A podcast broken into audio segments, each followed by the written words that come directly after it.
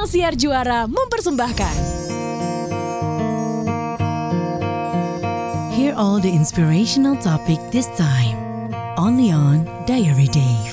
Kali ini Diary Dave akan mengajak teman-teman sekalian untuk membicarakan lebih dalam dan lebih teliti mengenai vaksinasi COVID. Dan kalau kita bicara mengenai vaksinasi COVID, saya yakin satu nama dokter yang langsung muncul di kepala Anda, Dr. Dirga Sakti Rambe. Sebelum saya menyapa Dr. Dirga, saya ingin memperkenalkan Dr. Dirga kepada Anda yang belum pernah mendengar nama Dr. Dirga. Dr. Dirga Sakti Rambe adalah dokter penyakit dalam.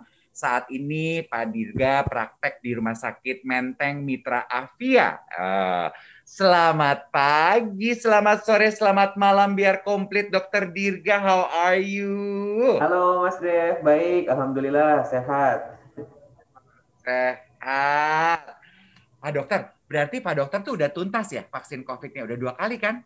Betul, saya udah dua kali vaksinasi, terus alhamdulillah sekarang kondisinya juga baik, sehat, tidak ada keluhan apa pun. Oke. Dan nggak salah ya aku bilang kalau pembahasan mengenai vaksinasi COVID tuh pasti semua orang nyarinya dokter Dirga. Sampai kita nyari jadwalnya aja menipadat.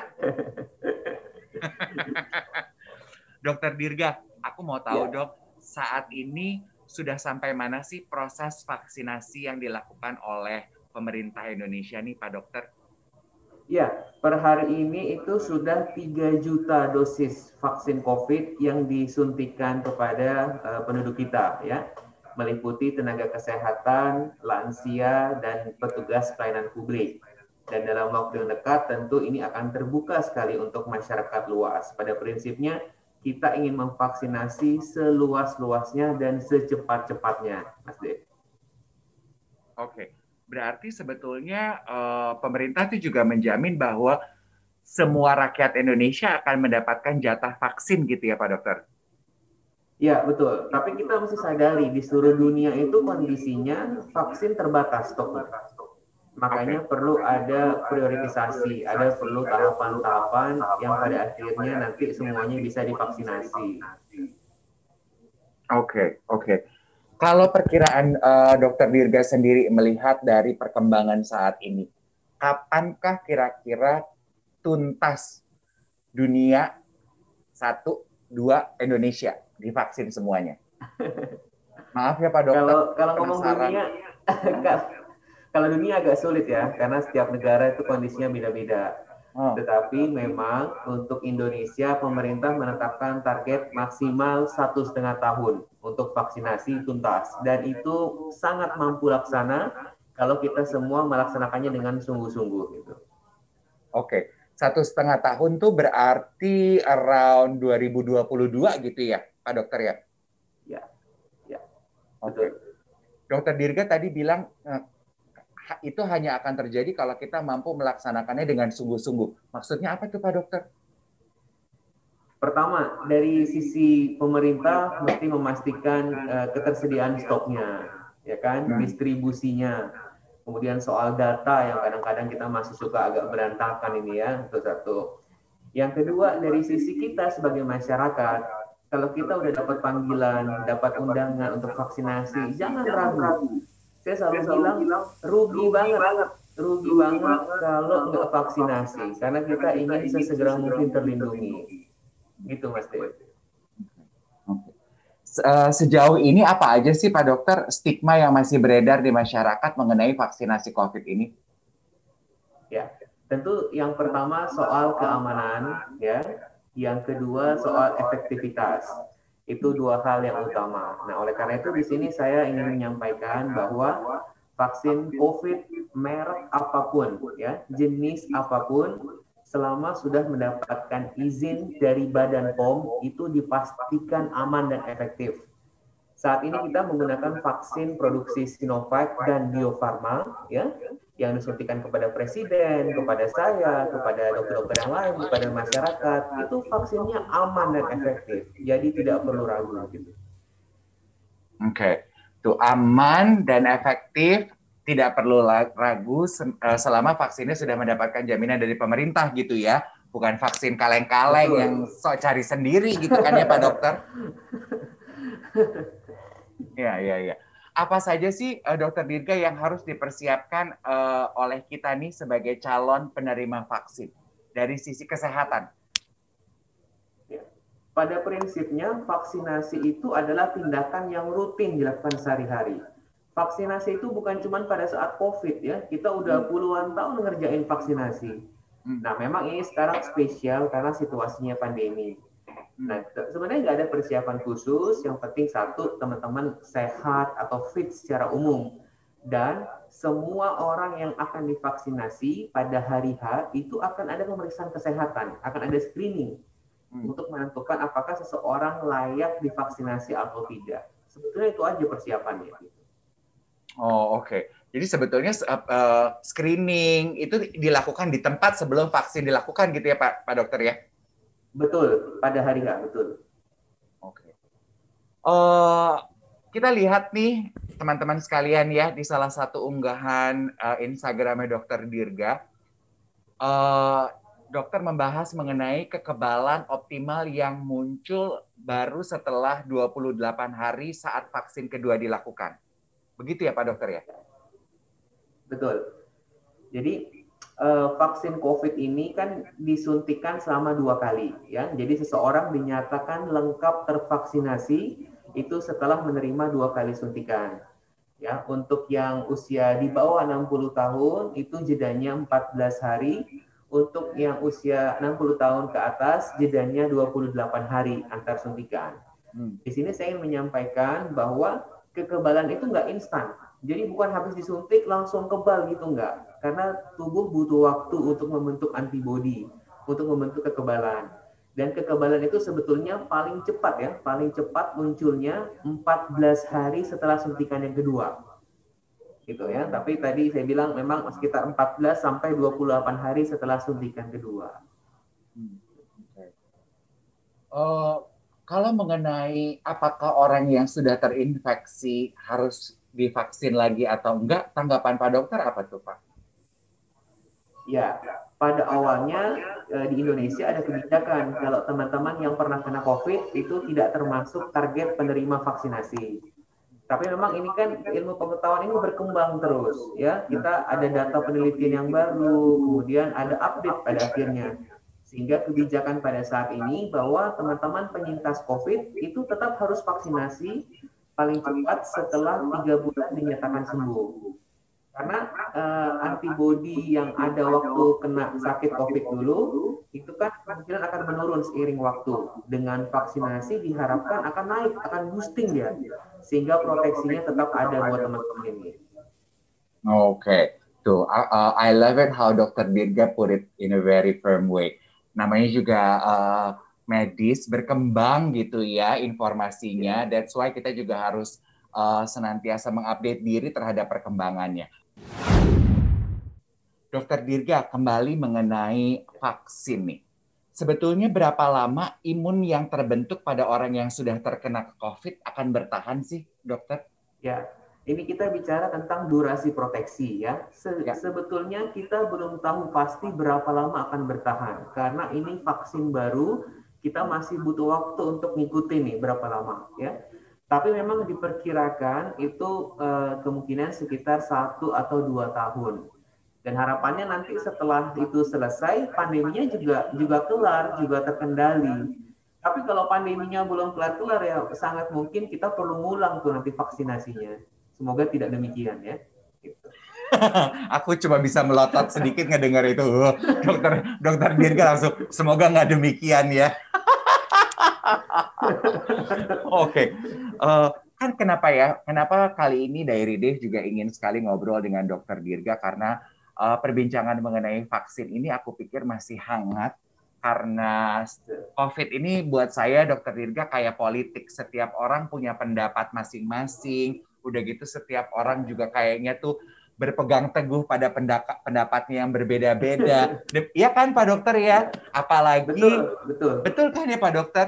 Nah, sebelum saya ke, uh, ke pertanyaan saya, menurut Pak Dokter kenapa sih why does everybody has a, has such a different opinion and so different on COVID? Ya, ini jangankan untuk orang awam ya, di kalangan para ahli, itu para dokter juga ada perbedaan pendapat yang bahkan kadang-kadang cukup cukup tajam. Kenapa? Dapat dipahami karena ini penyakit yang sangat baru ya, baru satu tahun. Dan ini levelnya itu pandemi, satu dunia kena semua. Di sisi lain, eh, dokter ilmuwan itu pegangannya cuma satu, yaitu eh, data ya, sains yang setiap hari itu berkembang berubah. Nah, buat masyarakat awam tuh suka bingung. Ini hari ini dokter Dirga ngomong kayak gini, nanti bulan depan ngomongnya beda lagi. But that's science gitu ya. Jadi sains itu sangat dinamis gitu. Yang penting kita ngomong ada dasarnya, ada pegangannya. Oleh karena itu untuk uh, masyarakat awam kalau uh, mengutip pendapat atau mencari fakta, carilah dari dari orang yang kompeten. Jangan semuanya didengarkan, diambil mesti hati-hati banget. Itu prinsipnya Mas Dev. Gitu. Nah, uh, carilah pendapat dari orang yang kompeten. Dan kalau Anda menyalahkan, kok beda-beda pendapatnya? Science, kata dokter Dirga, perkembangan terjadi sekali lagi ya. Nah, bicara mengenai perkembangan, virusnya kan juga berkembang nih Pak Dokter. Kita baru saja mendapatkan update ada varian baru tuh dari si COVID. Iya. Nah, apakah dengan vaksin yang dilaksanakan itu akan juga melindungi tubuh penerimanya dari varian tersebut, Pak Dokter? Ya pada prinsipnya virus itu ditakdirkan untuk bermutasi. Kalau dia bermutasi, dia bisa dipecat sebagai virus. Ya. Nah, tapi uh, kita itu virus itu untuk bermutasi dia butuh playground. Nah, kita jangan nyediain dia playground. Jadi yang tempat bermainnya itu adalah kita, orang-orang yang terinfeksi. Jadi kita punya peran untuk menghentikan mutasi itu. Karena mutasinya makin aneh-aneh ke belakang ya saat ini ada dua tuh, ada dua mutasi yang cukup ditakuti. Satu yang varian Afrika Selatan, yang kedua varian Inggris. Varian Inggris udah masuk di negara kita tepat satu tahun setelah COVID berulang tahun nih di Indonesia. Yang kedua varian Afrika Selatan belum ada laporan. Nah, hubungan dengan vaksin gimana? Kalau Afrika, kalau varian Inggris itu relatif belum terpengaruh vaksinnya tapi untuk yang varian Afrika Selatan ini sudah banyak laporan vaksin bisa menjadi kurang atau tidak efektif. Jadi kita berharap jangan sampai masuk ke Indonesia varian Afrika ini. Oke. Okay. Kalau uh, Dokter Dirga sendiri, most frequently asked question yang dokter dapatkan dari pasien-pasien dokter mengenai vaksin COVID biasanya apa Pak Dokter? Ya, uh, paling sering adalah dok saya boleh divaksinasi apa enggak gitu ya, ya. karena selalu ada ada keraguan dan terutama di awal-awal tuh ya waktu masih awal-awal banget vaksinasi dimulai itu orang-orang masih ragu itu wajar tetapi dengan informasi yang kita sampaikan secara berkala saya pun memberi contoh kan sudah divaksinasi. Kalau vaksinnya tidak aman, masa iya saya bodoh gitu ya mau vaksinasi diri sendiri kan kan enggak gitu. Saya memberi contoh meyakinkan bahwa ini vaksinnya aman dan uh, efektif gitu. Nah, kalau sekarang tuh pertanyaan yang paling sering justru karena lansia udah mulai vaksinasi, kita tahu lansia itu banyak sakitnya, hipertensi, sakit jantung, sakit ginjal. Itu pertanyaan yang paling saya sering terima, dok, saya boleh nggak divaksinasi? Maka saya titip pesan nih untuk teman-teman yang punya penyakit kronik ya prinsipnya tetap boleh vaksinasi kalau penyakitnya terkontrol, terkendali. Jadi kalau sakit gula, gulanya sedang nggak tinggi. Kalau sakit darah tinggi, tensinya nggak tinggi. Nah ini sambil menunggu ini masih ada kesempatan, ayo ke dokter, pastikan penyakitnya terkendali. Kalau ada minum obat, harus minum obat teratur. Dan itu juga berlaku pada uh, penyakit virus yang lain ya kan kemarin ini juga sempat terjadi perdebatan hangat ketika awal-awal diberitakan uh, para penderita HIV itu disarankan untuk tidak menerima vaksin. Tapi kan sekarang kayaknya udah update lagi, udah boleh selama uh, virusnya terdeteksi gitu ya. Eh, un undetected Betul, gitu ya. ya. Ya, selama CD4-nya ya, jadi kekebalannya bagus, itu teman-teman yang HIV udah boleh vaksinasi. Oke, okay. see, sudah diralat kembali ya. Jadi uh, rule of thumb-nya adalah sambil kita menanti panggilan uh, panggilan vaksin COVID, ayo deh kita cek kondisi kesehatan kita masing-masing seperti apa sekarang. Begitu ya, Dokter Dirga ya? Betul banget, ya. Oke. Okay. Tapi truth be told dong, dokter, kan uh, merek vaksin tuh banyak tuh. Ada perbedaannya apa enggak sih sebenarnya, Dokter Dirga? Ya, gini, kita dengar vaksin A efektivitasnya 90% misalkan ya. Lalu kita dengar lagi vaksin B efektivitasnya 60%. Apakah vaksin A otomatis lebih bagus daripada yang B? Belum tentu, Mas Dev, belum tentu. Karena angka-angka itu itu didapatkan dari uji klinis yang beda-beda. Beda negara, beda orangnya, beda settingnya. Kita bisa bilang vaksin A lebih baik daripada vaksin B kalau kita bikin penelitian. Jadi penelitian setengah uh, relawan dapat vaksin A, setengah relawan dapat vaksin B. Terus kita aduk datanya, kita lihat. Nah, itu kita bisa bilang vaksin A lebih bagus daripada vaksin B. Sampai sekarang penelitian, penelitian itu belum ada. Jadi jadi pada prinsipnya kita pakai aturan dari WHO. Semua vaksin yang efektivitasnya lebih dari 50% itu harus kita pakai dan itu efektif ya. Jadi gunakanlah vaksin apa pun yang lebih dulu tersedia dan dapat izin dari Badan POM. Itu rulesnya. Karena ada rules of thumb yang dibagikan oleh Dokter Dirga teman-teman. Gunakanlah vaksin yang ter, yang duluan tersedia ya. Jadi merek apa pun pokoknya yang duluan tersedia yang ada itu aja segera pakai Dokter Dirga personally aku pengen tahu apa yang paling berubah dari kehidupan Dokter Dirga semenjak pandemi ini kayaknya setiap orang kalau ngobrol sama Dokter Dirga nanyanya vaksin COVID vaksin COVID kita tuh nggak pernah tahu loh. Dokter juga kan manusia ya, pasti hidupnya berubah banget gara-gara pandemi ini. Jadi eh, selain sebagai vaksinolog, saya memang dokter spesialis penyakit dalam. Dan sejak bulan Maret sampai sekarang saya setiap hari merawat pasien COVID, Mas Dev. Ya. Dan sampai sekarang alhamdulillah masih sehat, dikasih kesempatan untuk merawat eh, pasien-pasien ya. Tentu itu itu suatu tantangan tersendiri, suatu pressure ya, uh, gimana tetap sehat tetapi juga harus tetap bisa merawat pasien. Itu satu. Nah, yang kedua, kebetulan saya mempelajari vaksin secara khusus dan ini sekarang semua orang itu ngomongin tentang vaksin satu dunia ya. Ini uh, apa trending topik yang luar biasa dan saya punya kewajiban moral tentu untuk menyampaikan informasi yang benar ya, meluruskan hoax, memberikan pemahaman kepada masyarakat. Karena karena yang akan menyelamatkan kita, yang akan mengendalikan pandemi itu bukan vaksinnya, tetapi program vaksinasinya nggak ada gunanya kita punya vaksin yang 100% efektif, tetapi kalau vaksin itu nggak bisa dipakai oleh masyarakat. Gitu ya. Jadi yang kita inginkan adalah distribusi vaksinnya, cakupan imunisasi yang tinggi, dan saya sangat yakin insya Allah eh, pandemi ini kita bisa kendalikan. Saya nggak bilang pandeminya hilang ya, tidak. Tetapi dengan vaksinasi yang luas, ini pandeminya bisa terkendali gitu. Pasti uh, well sedikit nakal nih pertanyaan aku. Kalau dari kehidupan pribadi dokter, apa yang paling dirasa berubah dok? Ya, uh, lebih ke interaksi ya. Jadi satu, misalkan saya ketemu orang tua udah nggak bisa sesering dulu lagi. Oh. Saya sekarang membatasi sebulan sekali karena saya takut nanti, uh, walaupun saya uh, PCR swab reguler, tapi takutnya kecolongan gitu kan. Terus kalau ketemu juga biasalah nggak nggak pernah pelukan lagi, nggak pernah saling lagi bahkan, cuma ngobrol agak jauhan dikit ya.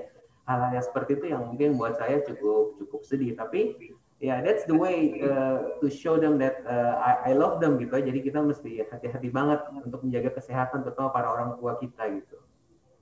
Kalau regimen kesehatan yang dokter Dirga lakukan pada diri dokter apa, apa aja dok? Ya, saya justru beda ya. Kalau orang-orang itu kan zaman pandemi gini biasanya hobi banget makan vitamin ya. itu saya malah saya malah nggak pernah makan suplementasi. Saya memastikan makan sayur dan buah lima porsi tiap hari. Karena bagaimanapun suplementasi vitamin tidak akan bisa menggantikan sayur dan buah. Ya, saya hanya minum suplementasi vitamin kalau saat-saat tertentu, kalau sedang ada kecapean, kalau sedang tidak fit, ya jangan kita setahun pandemi setahun minum vitamin suplementasi. Bukan seperti itu gitu ya Jadi, sayur buah terus istirahat yang cukup olahraga sesuai dengan porsi ya tetap aman ya. olahraga itu kalau olahraga intensitas ringan sedang itu menjaga imunitas. olahraga intensitas berat menekan imunitas. Jadi jangan olahraga berat dulu pada masa pandemi. Kira-kira seperti itu, Mas. Hmm, Oke. Okay. Jadi pastikan bahwa sebetulnya asupan makanan itu selalu terjaga gizinya ya, dokter ya. Ya, Betul. namanya juga panik ya kan. Kita nih Pak Dokter ya, pandemi quick fix kan yang kita cari ya dokter ya. Suplemen, suplemen, ya kan? Jamu, jamu, ya. Apa aja untuk memberikan ketenangan katanya itu kan di awal-awal. Nah, uh, tadi kan dokter Dirga juga bilang bahwa sampai hari ini dokter Dirga masih turun langsung merawat para penderita COVID. Uh, dari penglihatan dokter Dirga, dokter melihat ada perubahan nggak sih dok dari para penderita is it true bahwa semakin ke sini imunitas tubuh kita in general semakin baik sehingga yang terpapar COVID pun tidak separah ketika di awal-awal pandemi ini terjadi?